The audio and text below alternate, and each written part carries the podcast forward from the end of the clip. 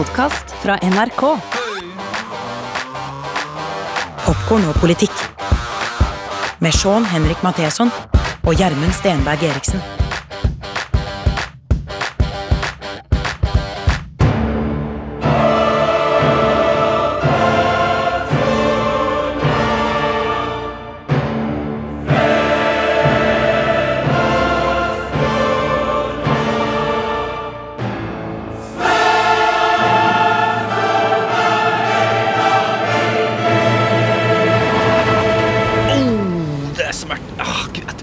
2022 te- Var det sånn det skulle starte, liksom?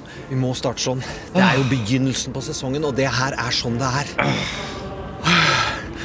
Har du følt at du kommer til noen gang å miste alt? Jeg har ofte den følelsen, og jeg har det inni akkurat det vi er i nå. Som i en drøm, bare at jeg kjører bil som med innover i mysen på mørke veier og bærer utover i Hærland. Ja. Ja, og det er grus. Oh, det det gikk bra. Det gikk bra. Sorry. sorry ja. Det du ikke vet, og mange ikke vet, at jeg kan ikke kjøre bil. Nei. Fordi jeg er det her klin forbudt. Det dømmes som å kjøre i fylla, for jeg har for dårlig syn. Ja. Og allikevel så sitter jeg i den bilen, og jeg kjører som uvær, og jeg vet og hører at det er politisirener etter meg, og jeg har driti meg ut. Jeg vet det veldig godt. Og så så kjører jeg jo av veien og ned der det er vann. Og jeg må ut av bilen, og jeg tenker nå er livet Kona mi, ungene mine, alle som kjenner meg, at det der er over. For dette blir VG-oppslag. Jeg veit åssen fyllekjøring og med det, Vi er ikke kjendiser sånn, det er vi ikke. Men det er nok til at det blir skriverier og rettssak og soning.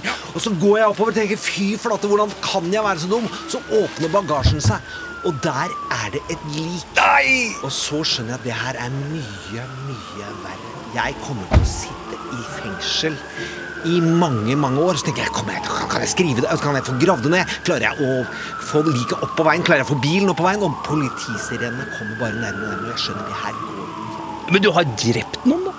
Ja, Ja. jeg har drept noen, men jeg vet ikke hvorfor. Men jeg vet at jeg har okay. drept noen, og jeg føler at det burde jeg heller aldri ha gjort. Men jeg er litt mer bekymra for at livet er over. Altså, og det er jo veldig dramaturgi, og jeg våkner opp og skjønner ikke hvordan jeg gikk rett inn i den drømmen en gang til. For dette er en ekte drøm du har. Den har jeg veldig ofte hatt den i 20 år. Meg. Ja, etter at jeg slutta å hele tiden drømme om at jeg ikke var forberedt til skoleeksamen, Ja. så er dette drømmen som har tatt over denne skamfølelsen. Gått over til mord, altså, med andre ord. Gått over til mord mord. er nok til å plage min skam. Fra eksamen til mord. Men det er jo som i en TV-serie. Ja, det er det. For i ørken så starter det med en mann som ser ut som verdens snilleste mann. En lærer, sånn som du gjorde med bart Ja. når du hadde bart. Ja. Den hyggeligste naboen du kan ha. Han kjører i trusa, dundrer av veien og ned i grøfta. Og det går med gassmaske, ramler ut i hvit dustetrusa fra militæret, sånn som bare dad har, som har vært gift lenge og ikke har noe boksershorts-framvisningsbehov. Og du hører politiseriene, og han tenker nå er det, dette går ikke. Og så går han inn, holder pusten. Der ligger en fyr livløs og en pistol. Og han tar pistolen og et videokamera, og så går han opp på veien. Og han føler akkurat sånn som jeg har det i den drømmen, og så sier han følgende. My name is Walter Hartwell White. I live at 308 Negra Arroyo Lane, Albuquerque, New Mexico, 87104. To all law enforcement entities, this is not an admission of guilt. I am speaking to my family now. Ja, han tar opp pistolen, står midt i veien, hører sirenene bak der, stiller seg opp, klar for en shootout. Suicide by cop, Livet basically. Livet er over. Det er Breaking Bad. Ja, og det er for meg verdens beste første episode og verdens beste serieåpning. Og den tar tak i noe av det jeg tenker vi som åpningssesong må ta tak i. Hvordan interessefølelsen fungerer, og hvordan man hooker folk umiddelbart inn i en situasjon og lever seg maksimalt inn. Vi får si 2022 er litt sånn. Det kan ligge an til det. Det er sesongåpning, eh, folkens. Velkommen til Popkorn og politikk. Jeg heter Sean Henrik Matheson, sitter her selvsagt sammen med serieskaper Gjermund Stenberg Eriksen. Produsentene Super-Silje Martinsen Wetter og Kanon-Jon Branes ja, de ser litt strengt på oss gjennom minnet, syns jeg. Og litt bedende. Eh, skal vi prøve å gjøre som de sier i dag, Gjermund? Eh, vi snakker om politikk, TV-serier og filmer i en herlig blanding. Det er fordi de samme virkemidlene brukes eh, og funker begge steder. Og i dag så meldte inn interesse. Fader, Gjermund, jeg har liksom aldri tenkt på at eh, interesse er en mm, følelse så mye, egentlig. Nei, nettopp. Og det tror jeg veldig mange skal ta inn over seg. Interesse er en følelse uh, før det er forståelse. Følelse før forståelse.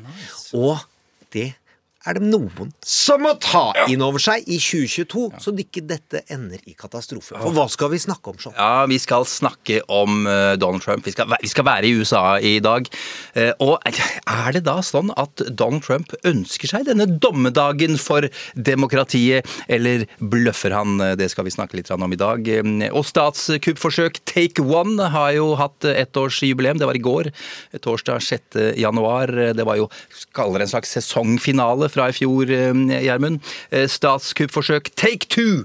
Ja, vi hevder eh, blant mange andre at det allerede er i gang. Vi skal også til november 2022, Gjermund. Og til deg som hører på, selvfølgelig. Vår sesongfinale, skal vi kalle det det, er jo mellomvalgkampen, altså the midterm election. Den er jo veldig, veldig, veldig veldig viktig for Joe Biden. Kan vi si avgjørende.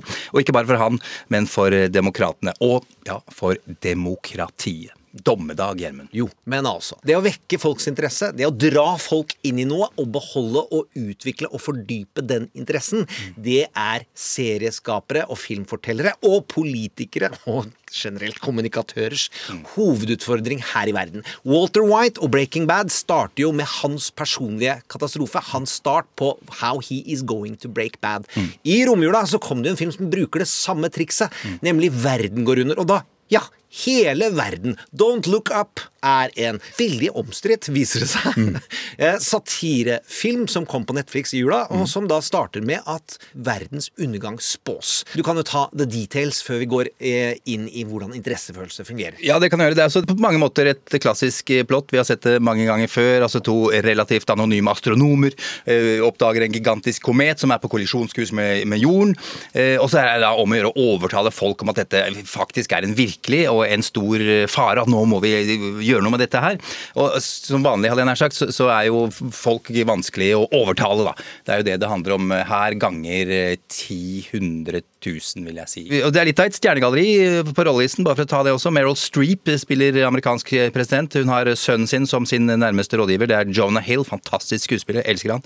Eh, Leonardo DiCaprio og Jennifer Lawrence eh, spiller da disse eh, astronomene. Ja, og det er jo omstridt hvordan den fungerer. Den fungerer åpenbart på en god del. Det jeg syns den fungerer veldig godt som, er jo en metafor på en, hvordan klimaforskere og klimaverden eh, synes at vi, en god del av den store, brede majoritet, har reagert på eh, varselet om at det går veldig dårlig med kloden. Og nå er det ganske harry å si at du er klimafornekter. I hvert fall det er omstridt. La oss si det sånn. Nei, det er Harry. Det er grise-Harry. Bare glem det, liksom. der jeg virkelig syns det var gjenkjennelig for oss som driver med amerikansk politikk, og politikk generelt, er jo varselet om at Trump ville være en stor fare for demokratiet i USA. Og der hadde vi jo en podsending eller to, eller 70, 70, 80, eh, før- 70, 80, før, det var, før det var veldig mange som tok dette inn over seg, at Trump var en autoritær fascist med klare rasistiske tilbøyeligheter. Og hans utspill om det å avlyse valgresultatet, det at han ikke ville godta det og ville si det var juks, var det ikke alle som tok inn over seg i god nok tid. Syns det var glimrende av Thomas Helser å stå på Dagsrevyen før. Han var jo, sa det jo tidlig, han kommer ikke til å gå av. Nettopp fordi han godtok jo ikke valgresultatet når han vant! Nei, én gang.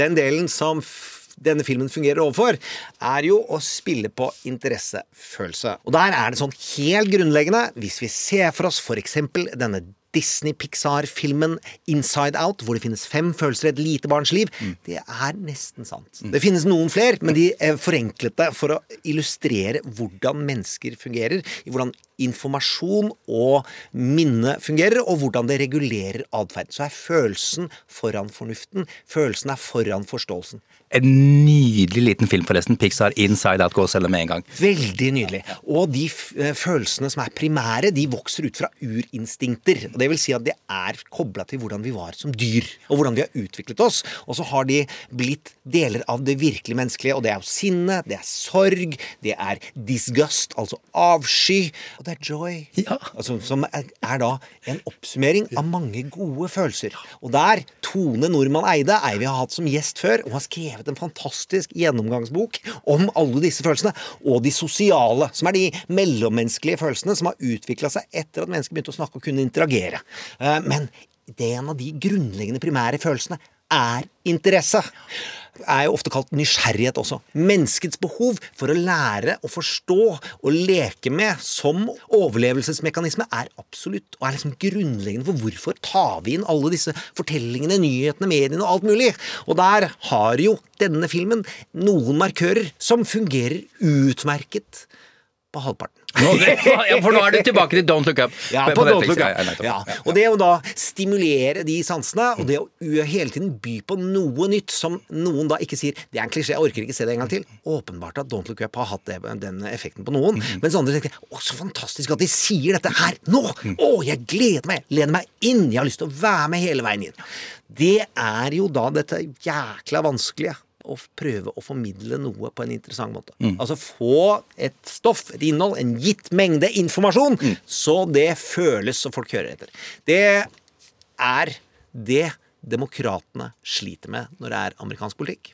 Det er det Donald Trump dessverre er uslåelig god på overfor sin base, og som man konstant undervurderer hans evne til å gjøre seg interessant for mange nok mennesker. Og det er det som eh, denne filmen tross alt deler befolkningen i. Vi skal se på noen av de mekanismene og prøve å gjøre at folk er interessert i 2022.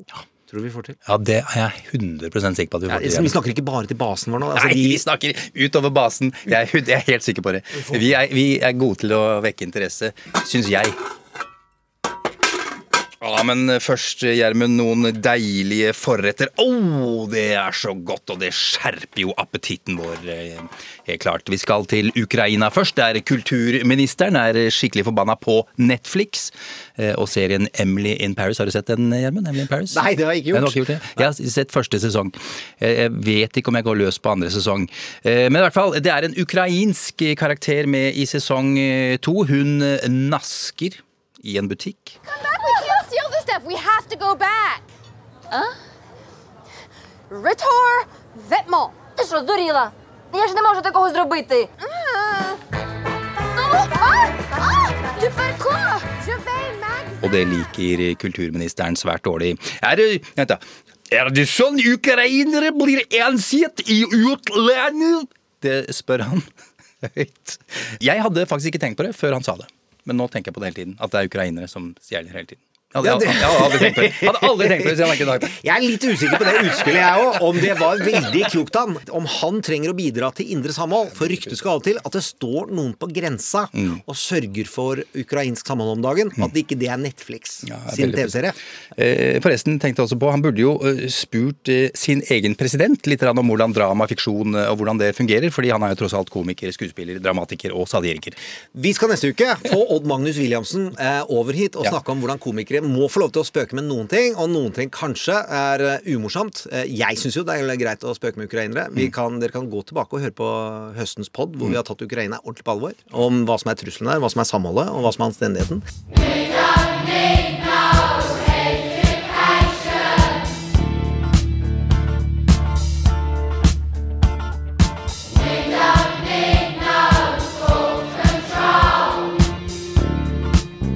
Men hvis vi skal gå over til da det som bl.a. står på utsida av døra, så er det ikke Pink Floyd, men det er mange barn som blir brukt av Vladimir Putin. Ja, riktig, Gjermund. Barna i Russland har fått eh, dårligere kår. Ja, men Det kommer litt an på hvordan du ser det, forresten. Altså, Da du var åtte år gammel, Gjermund, lekte ikke du krig med pistoler og gevær og pjam, pjam, pjam? Ah! Gjorde ikke du det? Det er jo helt rått. Smålands susarer. Ja. Eh, altså, jeg var Emil, hadde den børsa, jeg hadde den møssa. Jeg Ja, ja, ja. var i Småland. Ja. eh, I en, Småland? Men Vi var der hver sommer på en gård. Eh, hadde ikke hest, men fikk lov å låne en moped. Det er enda kulere enn hest. Wow. Ja. Men som åtteåring er jo det det råeste. Eh, Du leker krig. I Russland kan nå åtteåringer gjøre dette på ordentlig! Hvor fett er ikke det? Altså, Putin han klargjør nå en ungdomshær på minst 600 000 soldater. Helt fantastisk.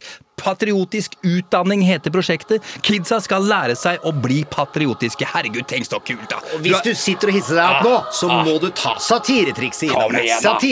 Kom igjen, da! Tenk så kult at du er åtte år gammel og blir sendt til fronten i Ukraina, hva? Ja, Fy faen, så fett!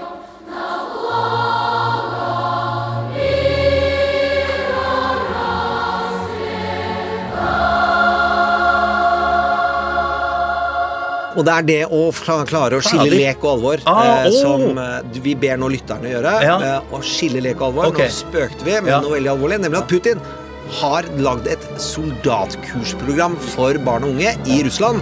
Antageligvis for å indoktrinere dem inn i en del mørke sannheter. Mørkt, syns jeg.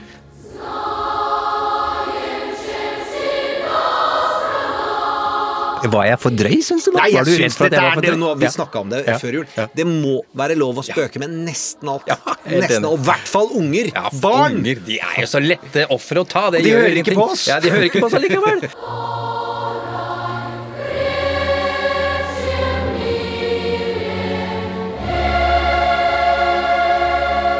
Gjermund, du har vært litt opprørt eh, de siste par ukene. Eh, Vi har så vidt vært inne på det. Det dreier seg om filmen vi allerede har snakka om, 'Don't Look Up'. Hva er det du syns er vanskelig? Nei, jeg har jo ikke vært Jo, det har du vel! Du har vært sånn sinna, sinnatagg på at folk ikke elsker den filmen. Nei, jeg elsker ikke det. Jeg elsker ikke den filmen. Nei, jeg syns det er drøyt å hisse seg så utrolig opp med at den er objektivt ræva. Det er utrolig mange, men halvparten av verden som mener. Og den andre halvparten har kost seg og syns den er underholdende. Jeg vil si det er en helt klokkerein firer som politisk satire og underholdning. Mm. Eh, Og at den har noen avvisningsmekanismer, feilaktige måter å bruke interessefølelse på, Mm. som avviser deg overfor en gruppe. Hva betyr det, hva, hva betyr det du Nei, sier? det betyr at hvis du skal være samlende, så er du nødt til å ikke være så åpenbart ideologisk i én retning. Ja, altså Det er tydelighet på labben. Meryl Streep har aldri fått en mer endimensjonal karakter i, tildelt i hele livet. Jeg syns faktisk det er litt deilig at hun får lov å spille noe som er ganske ræva. Altså, hun tåler Nå sa du at det var ræva! jo, jo, men hennes karakter Men jeg syns Leonardo DiCaprio sin karakter er utrolig godt mm. utvikla, og jeg liker den veldig godt. Lener meg inn. Jeg syns Jennifer Lawrence som en sånn Astrodom, ung astrodom, ja. ja, ja, men som en, som en klassisk sånn doktorgradsforsker som kan alt, og som bare skjønner ikke frustrasjonen. De der har jeg møtt på nachspiel, og det er, de skriker til deg til slutt. Når jeg mente noe om klima, og jeg kan ingenting om klima, burde ikke snakke om det, og har fått så øraflagrer av den dama. Jeg syns det var et veldig godt portrett. Hvis vi skal ta det i det lange perspektivet, Ja. så tror jeg Don't Look Up, Look Up kommer til å stå seg utrolig som et viktig bidrag. Fordi du har andre satirer som oppleves veldig tydelig i sin samtid, men som i ettertid da fungerer veldig godt som kulturelt minne. Du har Wag the Dog, som er uh, opplevd som ganske overtydelig og satt på spissen på 90-tallet, når den sa at Clinton-kampanjen brukte Lewinsky Eller lagde en krig for å avlede oppmerksomheten. Og Fra Lewinsky. Ja. Men i ettertid så står det seg veldig godt som en historisk påstand om hvordan verden fungerte på 90-tallet. Og dette her, som et varsel om klimaendringer, går jo fint inn i tidsrekka. Ja, men det har du sikkert eh, helt rett i. Oh, I heard there's an asteroid or a comet or something that, that you don't like the looks of. Tell me about it, and then tell me why you're telling me about it. You got 20 minutes. 20 minutes? That's you, Doc. Go. Du, kjære deg som hører på, husk eh, å, å laste ned appen NRK Radio logg deg inn med, med navn. Da får du mye bedre utbytte av eh, oss og andre podkaster. Ja, dette er viktig, og dette her inngår jo våre lyttere i en kamp mot de. Internasjonale, globale oligarkene i eh, Spotify og iTunes. Gå inn, bli en del av Norge. Tenk på kraftkrisen, alt som er nasjonalistisk. Ta denne NRK-appen og tenk at du sparer strøm og sender penger til de rette stedene her i verden. Til oss, så vi får lønn. Det er ikke helt sant. Nei, det er ikke sant i det hele Nei. Nå må vi over til det absolutte mørket, og ut av det mørket så kommer eh, da vår gjennomgangskarakter fra 2015 til i dag. Og nå er det 2022, og vi hadde håpet at han ikke skulle være her mer. God damn it.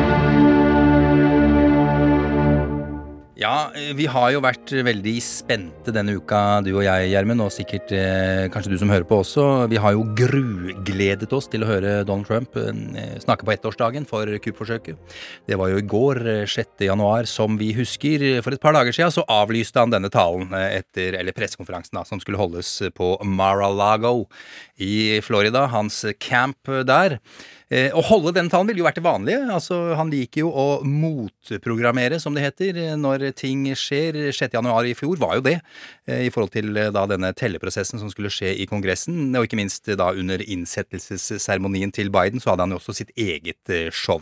Men denne gangen har han altså avlyst.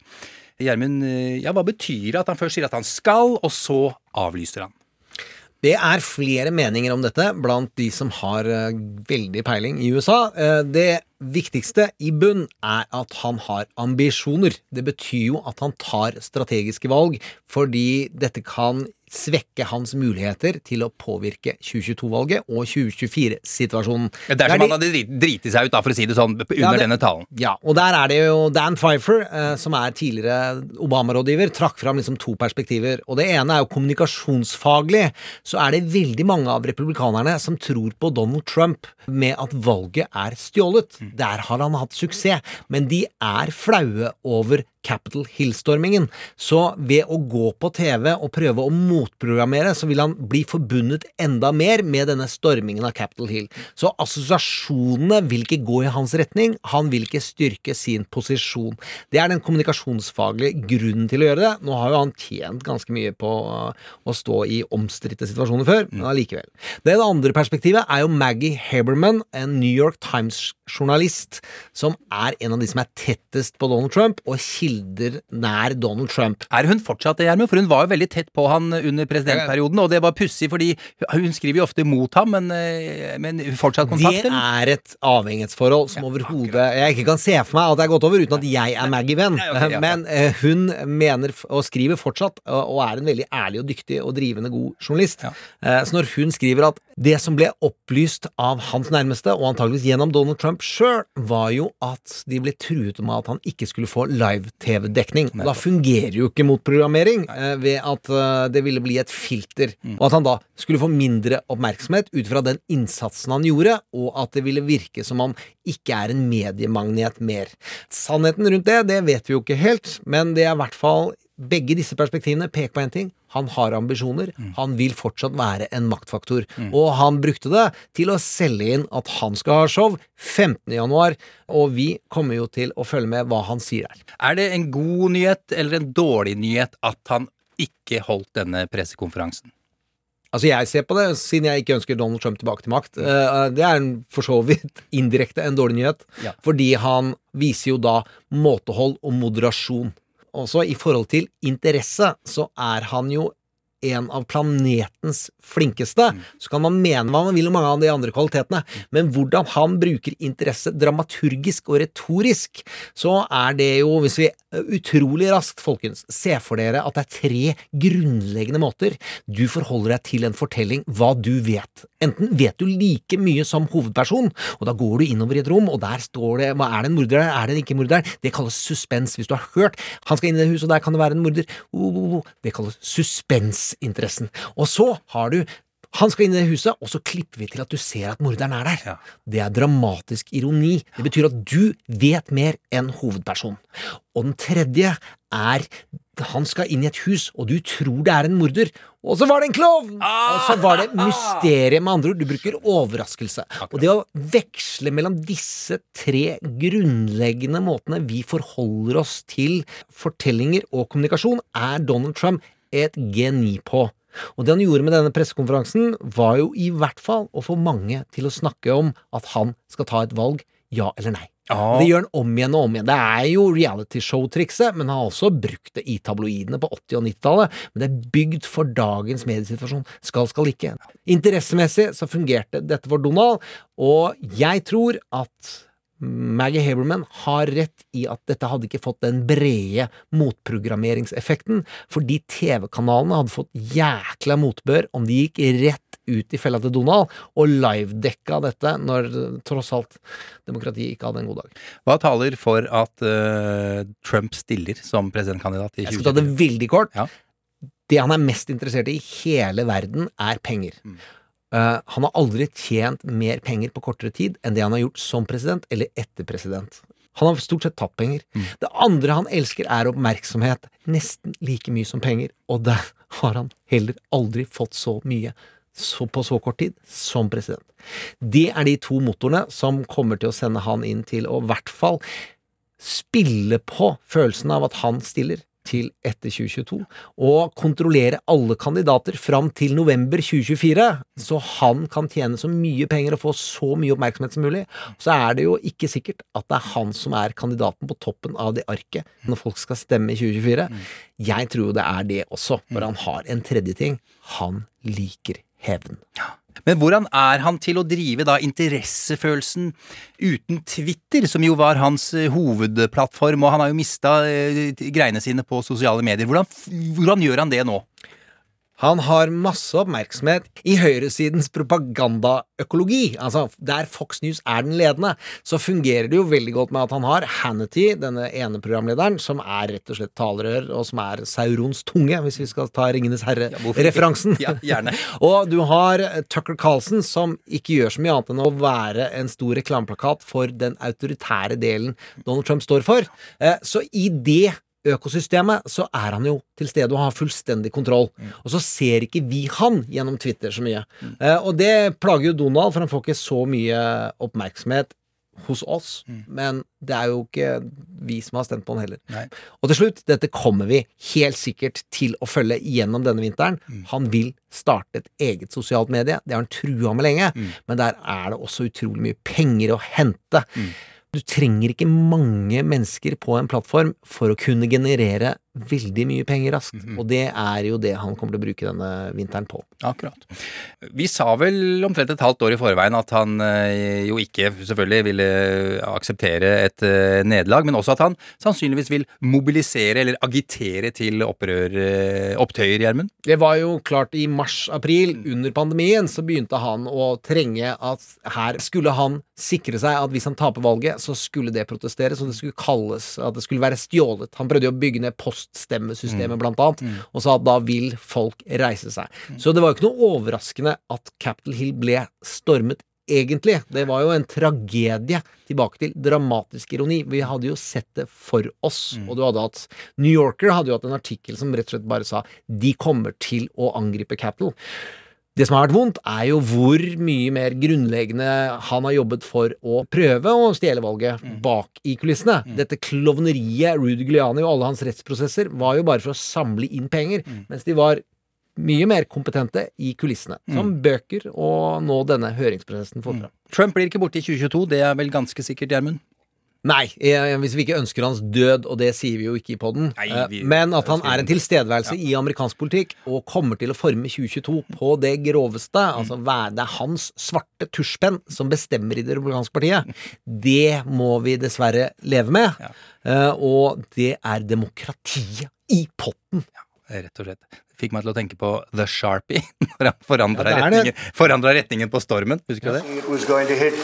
Not only Florida but Georgia. Could have uh, was going toward the Gulf. That was what we what was originally projected. Ja, der eh, jo Trump eh, ikke har sagt eh, noen ting, så var jo Joe Biden på banen i går og holdt, jeg vil si, et flammende innlegg, Gjermund. Det var uh, Biden back better, Ja. vil jeg si. Ja. En referanse til hans slagord. Men han har jo prøvd å være samlende og forsonende. Har jo da hele tiden prøvd å være den som Nå må vi finne felles løsninger. Uh, og nå tror jeg det er helt klokt å skifte gir eh, og si dette dette angrepet på demokratiet, det godtar jeg ikke. Jeg skal være den cowboyen han lanserte seg som når han lanserte sitt kandidatur. Eh, Det var western-Biden som gjør Trump til hovedfienden, eh, og at 2022 er avgjørende for Biden også. Det er han som avgjør om demokratiet overlever, om han stiller i 2024 eller ikke. Bommer han og demokratene er for redusert, så vinner republikanerne. the former President of the United States of America has created and spread a web of lies about the 2020 election. He's done so because he values power over principle, because he sees his own interest as more important than his country's interest, than America's interest, and because his bruised ego matters more to him than our democracy or our Constitution. He can't accept he lost. Her er Biden tydelig. Dette er jo som i gamle dager. Det er veldig godt å høre, Gjermund. Back in the saddle. Back in the saddle. Det er han, og det er ut i gata, det er revolver. ja. Han skal forhindre demokratiets dommedag. Ja. Håpet er på en 82 år gammel mann. It's the end of the world as we know it. Popkorn og politikk. It's the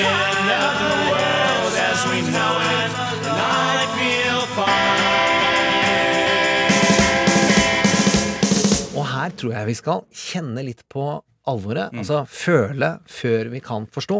I 1812 så ble Det hvite hus brent ned av britene eller canadierne, avhengig av åssen du ser på det. Men de store symboltunge demokratibyggene i Washington har ikke blitt lemlestet, selv ikke under borgerkrigen, tror jeg, før i fjor. Og jeg tror du kan gå igjennom kronologien. Altså hva- hva er hendelsene? Og så prøv å lene dere litt tilbake, og lene dere litt inn. 6. januar 2021. Allerede en dag som var krysset av i kalenderen. Fortsatt ventet vi på resultatene av senatsvalget i Georgia, for eksempel, der den første svarte representanten fra den staten bare var noen få timer unna å bli bekreftet. Dessuten var det dagen da Kongressen skulle samle seg for endelig å bekrefte at det var Joe Biden som var USAs neste president. The electoral vote, som det heter. Today, Lester Holt and Savannah Guthrie in New York, the moment the entire country has been waiting for after a very close race. Men selvsagt var det også dagen da Donald Trump hadde bestemt seg for å samle sine tilhengere i hovedstaden til Save America Rally, som det het. Tidlig på morgenen, allerede i 06-tida, begynte folk å samle seg på en stor, rund plen ikke langt fra Det hvite hus. Frostrøyken sto fra det for det meste maskeløse folket i røde magacapser og blå flagg med Trump på. Etter hvert skulle det komme flere tusen, kanskje opp mot 10 000. Noen sier enda flere. Klokken 11 starter det offisielle programmet. På en scene fylt av amerikanske flagg starter talene. I bakgrunnen ser vi Det hvite hus. Først sønnene til Donald Trump, Eric og Donald jr. Junior sa dette. you have an opportunity today. You can be a hero or you can be a zero. And the choice is yours, but we are all watching. En annen som talte var Mo Brooks, medlem av Representantenes hus. Today is the day American patriots start taking down names and kicking ass. Trumps personlige advokat Rudy Giuliani var også til stede, Let's have trial by combat. og flere andre talere som sa omtrent det samme. Cirka klokken tolv kom selveste Trump opp på talerstolen.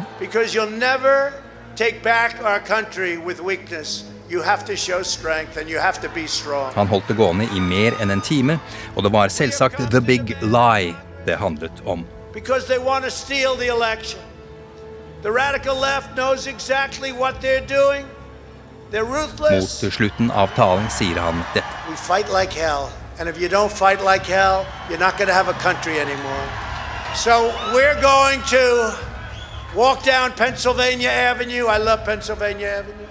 And we're going to the Capitol. Hans tilhengere starter nå marsjen mot The Capitol. So let's walk down Pennsylvania Avenue. I want to thank you all.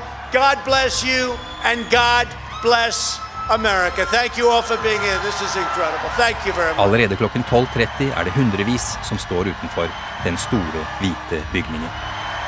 Klokken 13 samlet Kongressen seg i det som skulle være en rutinemessig bekreftelse på at Joe Biden var ny president.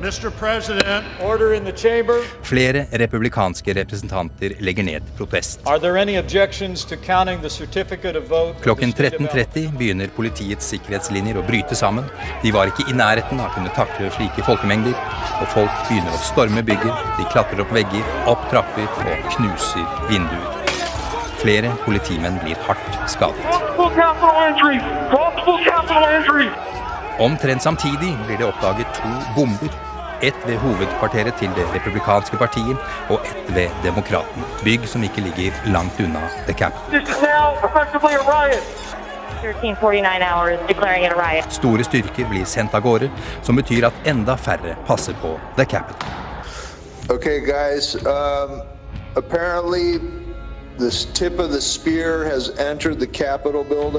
Nå har flere opprørere kommet seg inn i bygget, og de stormer rundt på jakt etter politikere. And we start hunting them down one by one! Spesielt demokraten Nancy Pelosi og visepresident Mike Pence. Klokken 14.20 avslutter Kongressen stemmetellingen og evakuerer. Klokken 14.22 tweeter Donald Trump dette. Mike Pence didn't have the courage to do what should have been done to protect our country and our constitution, giving states a chance to certify a corrected set of facts, not the fraudulent or inaccurate ones which they were asked to previously certify. USA demands the truth. Mike Pence var bare sekunder unna å bli tatt av mobben inne i huset. Dette er for øvrig det eneste vi hører fra president Trump fram til ca. klokken 16.15. Og hele tiden har Kongressen vært beleiret av hundrevis av opprørere og kuppmakere. Men kvart over fire altså sier han dette. I know your pain. I know you're hurt. We had an election that was stolen from us. It was a landslide election, and everyone knows it, especially the other side. Da hadde påtroppende president Joe Biden noen minutter tidligere vært ute og sagt dette. At this hour, our democracy is under unprecedented assault. Unlike anything we've seen in modern times. Rett etter at Trump sa We love you. You're very special. You've seen what happens. You see the way others are treated that are so bad and so evil. I know how you feel. Så kom endelig nasjonalgarden på plass. Forsvarsministeren hadde holdt igjen med å sende denne styrken inn fordi han var redd for at det skulle føre til økt mistenksomhet mot myndighetene, og at konspirasjonsfolket skulle få enda mer vann på mølla. Det er i hvert fall hans person. Rundt klokken 18 ble det iverksatt portforbud i Washington, og omtrent på samme tid var The Capitol tømt for opprørere. Klokken 20 samlet Kongressen seg igjen for å bekrefte at Joe Biden faktisk vant valget. Protestene fra republikanerne ble ikke tatt til følge. Cirka klokken halv fire på morgenen 7. januar ble Joe Biden utropt til ny president. Det har altså gått eh, ett år og én dag eh, når vi står her og prater om det fredag 7. januar 2022. Hvordan eh, har det gått, syns vi, Gjermund? Jeg syns jo dessverre at pendelen svinga veldig fort i Trumps favør. Det gikk jo liksom sju dager, og så var de tre bastionene som vi var avhengig av, skulle ta et oppgjør, forsvant. Det var Mitch McConnell, han som leder Senatet, republikanske lederen av Senatet. Det var Kevin McCarthy, han som leder republikanerne i Representantenes hus, som hadde oppgjør, og det var Fox News. Alle de tre følte og kjente på at skal vi nå si adjø til Trump? Og alle gikk tilbake innen 14 dager. Og så har maktbastionen til Trump bare vokst fram til da. Og at faktisk ikke skulle tas mer på alvor av den republikanske basen, det er jo vondt å se. Og at det er så mange som tror på den løgnen om at Biden stjal valget, det er også vondt å se. Så får vi se hvor stor andel av basen som faktisk mener at vold er forsvarlig, og hvor stor andel som faktisk mener at demokratiet ikke bør forsvares. Der er det litt omstridt hvor svær del av den republikanske basen som er eh, i kokoland. Men det, det vi vet dessverre, er jo at det er eh, veldig mange republikanere Tallene er litt vanskelig å vite helt nøyaktig, for det er forskjellige måter å stille spørsmål på. alt, alt, alt det greiene der, Men at det er mange republikanere som mener at vold er et svar på et eventuelt eh, valgnederlag, det er ikke noe tvil om. Og flere enn demokrater. Men ok. Hvordan bør eh, demokratene forholde seg da til det siste året? Hva, hva må de gjøre nå for å få uh, dreis på tingene? For å si det Ja, sånn? det er I forhold til 6. januar og den eh, tragedien, så er jo mitt standpunkt eh, eh, med utgangspunkt i at demokratene bør vinne, fordi at demokratiet står på valg i 2024. De bør dyrke dette såret, så det blir et stort nok arr til at det er et kollektivt minne om denne opplevelsen. Så er det ikke slik at det på kort sikt er noe som vinner fra måned til måned, men det å lage den type minner er en viktig del av en kampanjekultur, og det å få kommunikasjon til å virke over tid. Å holde dette interessant og dyrke den interessen. Ikke som en klisjé, at vi må alle huske, vi må aldri glemme, men hele tiden fornye fortellingen om det. Man kan jo se på disse, dette som har skjedd eh, i, i, i lengre perspektiv, hadde jeg nær sagt, og, og da er, har jeg lyst til å lure, altså lurer jeg på hva, hva er den kulturelle effekten, Gjermund? Ja, og det er jo nettopp derfor det må være et arr, for at det skal fungere i 2024, 2028 og 2032. Slik som Nixon er symbolet på ting som gikk galt i det republikanske partiet, galt i maktapparatet. Slik 11. september er symbolet på at etterretningstjenesten i USA ikke var på vakt nok, og Irak-krigen ble bygd på en løgn, så er dette demokratenes våpen for å forme sin fortelling om hvordan USA skal gå mot lyset og mot demokratiet. Mm. Vi snakker jo om en katastrofefilm i dag, eh, Don't Look Up. Er det der vi er nå? Er USA der? Er en komet som kommer dundrende mot uh... Nei, jeg mener det ikke er sikkert at USA går under, og at det er en dommedag Altså, det må bli dommedag, men det er en thriller, uh, og det er ganske tett på en horror. Men du har jo dette, denne sayingen som har gått inn i amerikanske kommentarer om dagen. The call comes from the inside the building. Med andre ord, fienden er allerede i hus. Hvis man husker 90-tallstrillerne, så var det at plutselig så var det barnepiken som var morderen. Det var mora som var morderen. Det var barnet ditt som var morderen. Og det er der vi er nå. Det er så nære det kan få blitt, eh, og det er hjertet som er angrepet, altså Capitol Hill. Thriller, horror, men det er ikke sikkert at dette går til helvete. Okay. Så jeg syns ikke det å følge amerikansk politikk og det som skjer der, skal gjøres med en horrorfølelse. Altså frykten for at nå skal du se noe som er så vondt at du skal lukke øynene og du egentlig velger bort. Se på det som en thrillerinteresse. Dette kan gå galt, men det er stor sjanse for at det går bra. Det har vært borgerkrig i det landet. Det kom de seg ut av. Det har vært slaveri, det har vært 60, det har vært vold før. Det har jo vært klokkerein apartheid til langt ut på 60-tallet. Veldig ofte så har det gått mot lyset. Det er helt spennende. Og jeg setter veldig pris på at du er eh, optimistisk, eh, for, for eh, vanligvis så er vi ikke det, noen av oss, men nå er du mer optimistisk enn det jeg er. Nei, men i veldig pressede situasjoner så har jeg to reaksjoner. Det ene er at jeg vil overleve. Tilbake til den bilen, og at jeg er villig til å prøve å finne virkelig grave ned det liket for Ja, ja. å komme unna. Så det er ikke bare hyggelig optimisme, det. Men jeg er også veldig lysorientert. Jeg må tenke på at det kan gå bra. Nå mener jeg helt faglig at det å si at dette går helt sikkert til helvete, det, det har jeg ikke noe tro på. For all Eh, del. Jeg, jeg, skjønner, jeg skjønner veldig godt hva du mener. Men jeg har også lyst til å si at jeg er, i bunn og grunn også er eh, fremtidsoptimist. Eh, Samme kan vel ikke helt sies om, om Super-Silje. Hun har valgt denne låta til, til neste Til kuppforsøk nummer to. Don't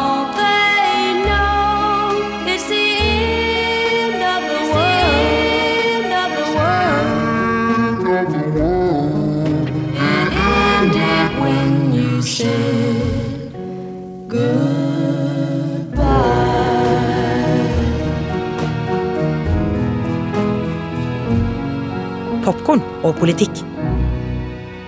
som vi akkurat sa tidlig i denne episoden, så, så er kuppforsøk nummer to allerede i gang. Det er jo fordi Det republikanske partiet har jo da gjennomført politikk på ganske mange nivåer allerede. Og de begynte i eh, januar, februar og mars, april og juni med å tilpasse valglovene i hver enkelt delstat for å redusere langs to linjer.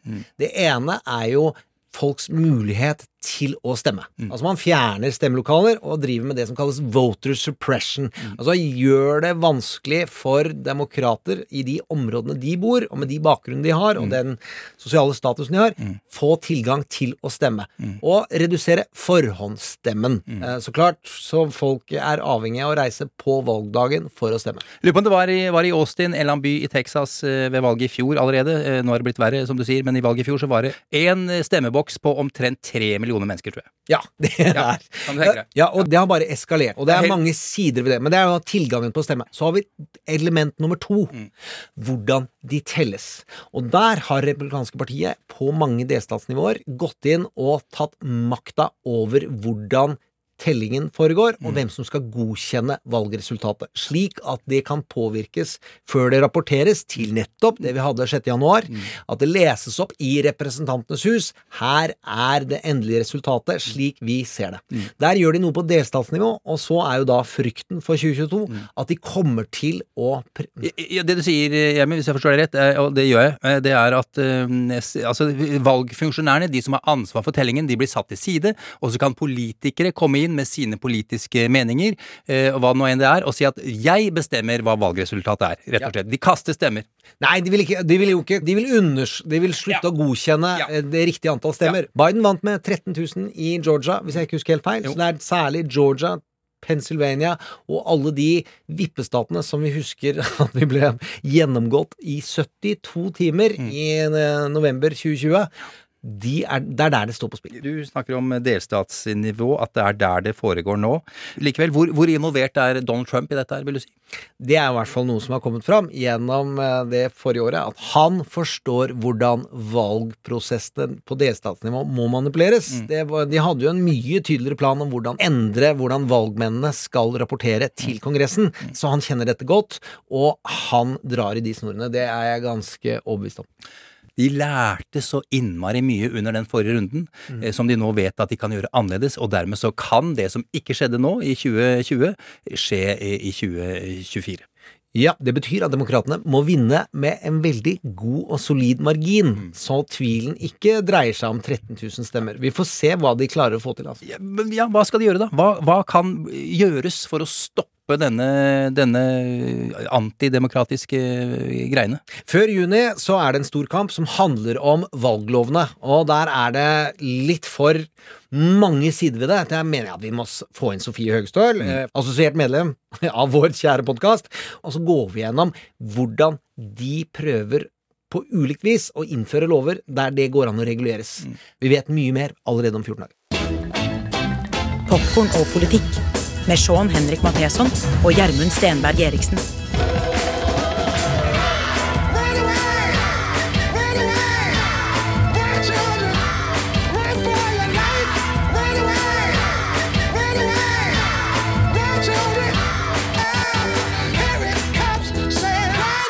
Ja, nå skal vi snakke om eh, ja, det viktigste trinnet, vil jeg si. Kanskje på vei ned i mørket. Valgkampen 2022. I november går amerikanerne til stemmeurnene igjen. Den åttende er det klart for mellomvalget, the midterm election. Det er som du vet. To kamre i Kongressen, USAs lovgivende forsamling, Representantenes hus, Underhuset kan vi kalle det, og Senatet, Overhuset. De har eh, stort sett de samme oppgavene, for å si det veldig kort eh, og enkelt. Eh, Det store forskjellen er at eh, enkelte ting, som eksempel eh, skattepolitikk, pengepolitikk, det kan foreslås i huset, men må godkjennes i Senatet. Det er også Senatet som godkjenner utenrikspolitiske beslutninger, hvem som skal sitte i Høyesterett og slike litt sånn langsiktige saker. En grunn til det er at, det er at de 100 medlemmene i, i Senatet de sitter i seksårsperioder, eh, mens de i Huset de sitter bare i toårsperioder. Der må ting gå litt fortere hvis eh, representantene skal få gjennomført noe for staten de da representerer. I november er alle de 435 setene i huset på valg. I Senatet er det 34 plasser som er på valg akkurat dette året her. Før valget om ganske nøyaktig ni måneder har demokratene flertall i begge kamrene. I hvert fall i teorien i huset har de 221 mot 212. Det er to tomme stoler der. En demokrat fra Florida har dødd. Eh, valg på ny representant om noen dager, faktisk. 11. januar. En eh, republikaner fra California har sluttet eh, han for å starte å jobbe for Donald Trump. Mulig denne Sitt medieimperium. Ja. Devin Nunes. Devin Nunes. Eh, uansett, eh, i huset så går det stort sett veien for demokratene og det de ønsker å gjennomføre. I Senatet er det 48 til demokratene, 50 til republikanere, to uavhengig. Eh, De lener seg ofte mot demokratene. Det er visepresident Kamala Harris som leder Senatet. Hun har dobbeltstemme. Derfor anser vi Senatet også for å ha demokratisk flertall, men det er ikke alltid det hjelper, fordi en demokrat som heter Joe Manchin ofte liker republikanere bedre enn demokrater. Han blir for øvrig kalt Washingtons mektigste mann nettopp av dette her, at det er ofte han som sitter med nøkkelen til å få gjennom ting. Med andre ord, for å oppsummere, saker som blir vedtatt i huset stopper ofte opp i Senatet. Eh, Noe som er veldig vanlig med, ved mellomvalg, er at den sittende presidenten og hans parti ofte mister seter. Apropos interesse, som er vår eh, røde tråd i dag, eh, valgkampen eh, 2022. Oh, hva står på spill? Det er jo et fabelaktig karaktergalleri vi kommer til å bli utsatt for dersom vi forstår alvoret i hva som skal stå på valg i 2022. Det vil være senatorer vi ikke kan navnet på, men som du da vil se valgbarheten til. Og det vil være eh, representanter i Representantens hus som også står på valg, og som kommer til å komme med utspill som svekker eller styrker deres muligheter til å få disse flertallene. Jeg tror jo at mellomvalg aldri har vært mer spennende, men det eh, sa vi med rette i 2018. og- 2018 også. Jo. I Ja. 2018. Da kom kvinnene ble mobilisert slik aldri Det har aldri før har skjedd. Eh, og tok fra Donald Trump flertallet i Representantens hus, som gjorde at han ikke fikk det handlingsrommet han ville. Nå ønsker jo republikanerne det. Mm. Det andre er jo at interessedyrkingen til demokratene må være veldig skjerpa. Det valgforskerne har dokumentert fram til nå, er jo at unge har begynt å miste interessen. Eh, og Biden var avhengig av dem. Kvinner, unge, folk i forstedene og ikke minst eh, det multikulturelle USA er hans base. Og hvis ikke demokratene klarer å gjøre det, dette levende og riktig for folk, så er det bye-bye til demokrati. Ja, det er en veldig viktig eh, innspill du kommer med der. Den basen De har ikke er- ringt ja. meg. Ja, det er fy fader. Hvis vi skal bruke litt grove kategorier i dag for å gjøre dette bredt og anlagt, så er det jo at i Representantenes hus, det taper sittende president nesten alltid i første periode. Barack Obama tapte så det sang i 2010 og mista alle muligheter til å påvirke budsjettene. Så det er jo veldig få som tror at Biden har en sjanse til å beholde. Og da er økonomien låst.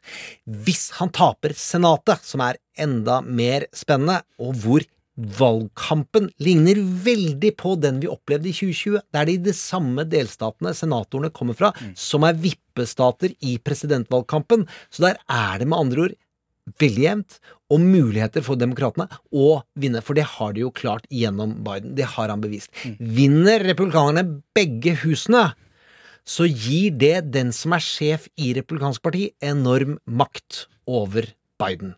Og det er det jo noe som tyder på at kan være Trump som får den makten. Og uansett så kommer de da til å gjøre alt de kan for å skape så mye ulyd og svekke Joe Biden, så hans parti og hans kandidatur i 2024 blir så vanskelig som overhodet mulig.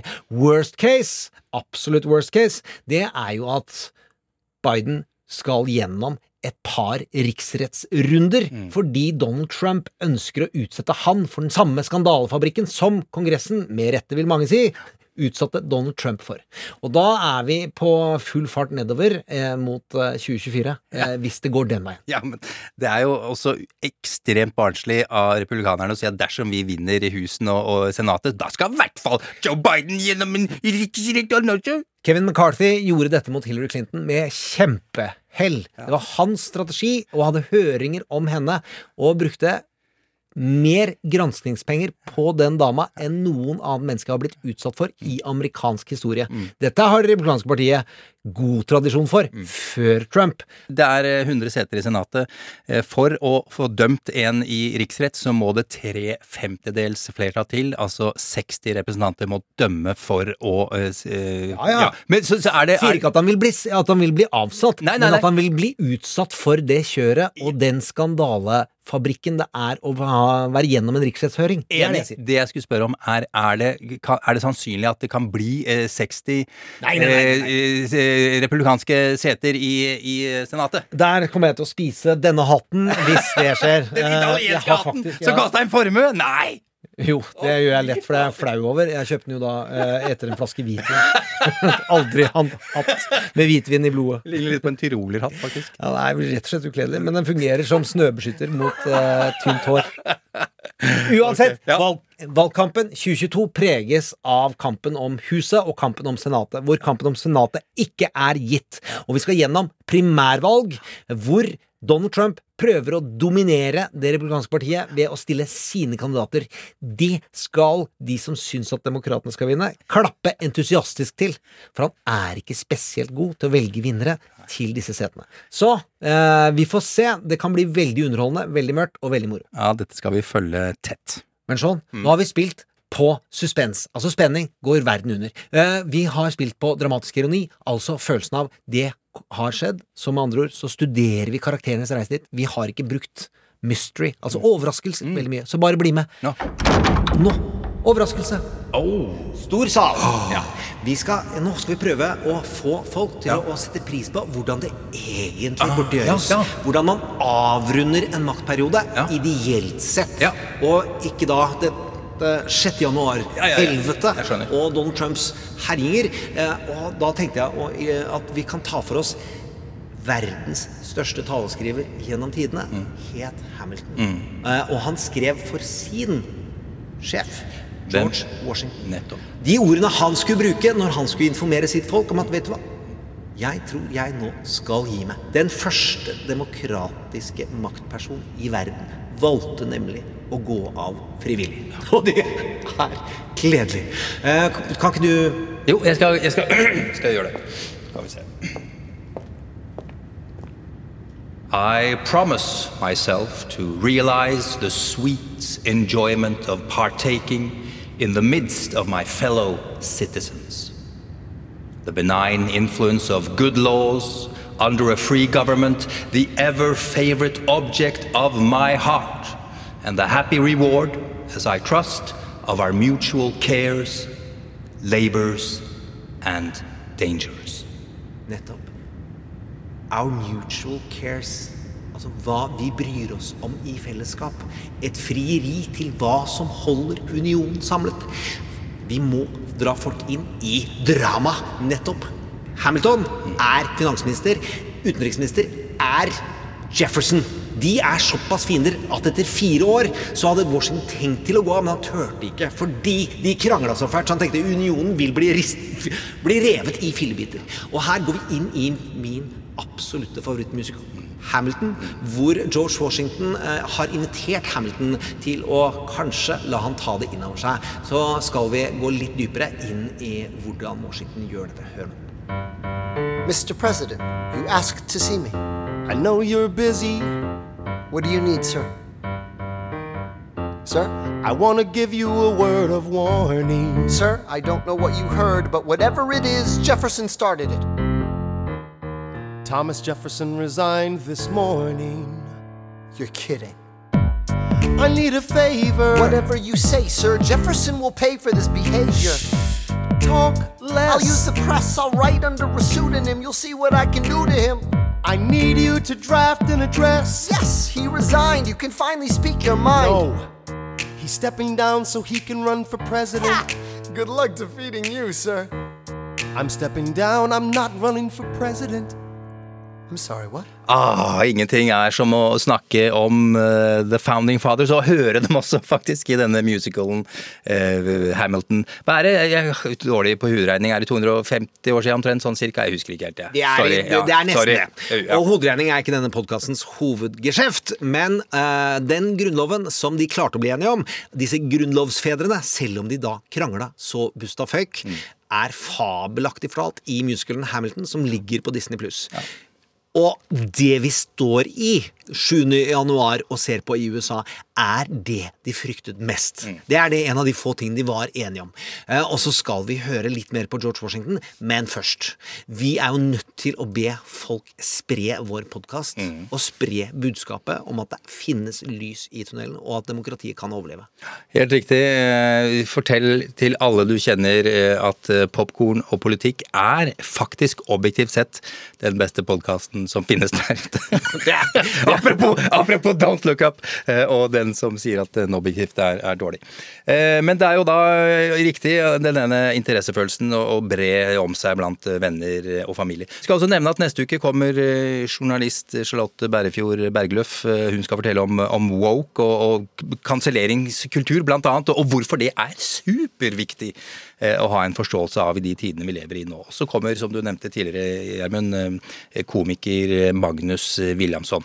Og filmskaper, og jeg tror også serieskaper er han her òg. Altså, han er absolutt alt mulig mann. Ja, han er glimrende.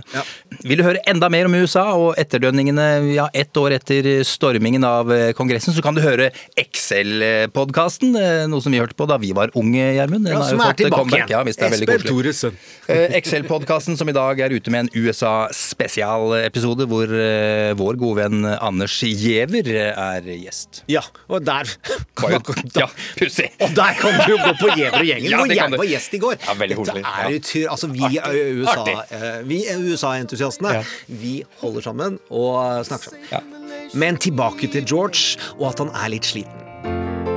I want to sit under my own vine and fig tree, a moment alone in the shade, at home in this nation we've made. One Og George og Hamilton de begynner da å synge de ordene du leste etter hvert, som er da det avskjedstalen til George Washington. Eh, og så leste du den veldig godt, men husk på at musicalen er satt opp av kun fargede på scenen. Folk fra andre kulturer som spiller grunnlovsfedrene, hvor mange av de var slaveeiere, og ingen av de eh, hadde tenkt til at noen farge skulle få stemmerett på en, en god stund. Eh, og Jefferson aller minst. Uansett, ta hør da hvordan de synger, og vær med hele veien ut til hvordan George Washington går av scenen og lar heller ideen om demokratiet står igjen. Så høres vi igjen neste fredag og resten av ditt liv, håper jeg. I anticipate with pleasing expectation that retreat in which I promise myself to realize the sweet enjoyment of partaking in the midst of my fellow citizens. The benign influence of good laws and of a free government. The ever favorite object of my heart. And a happy reward as I trust of our mutual care. Labors and dangers. One last time. George Washington's going home. Teach him how to say goodbye. Washington's going home.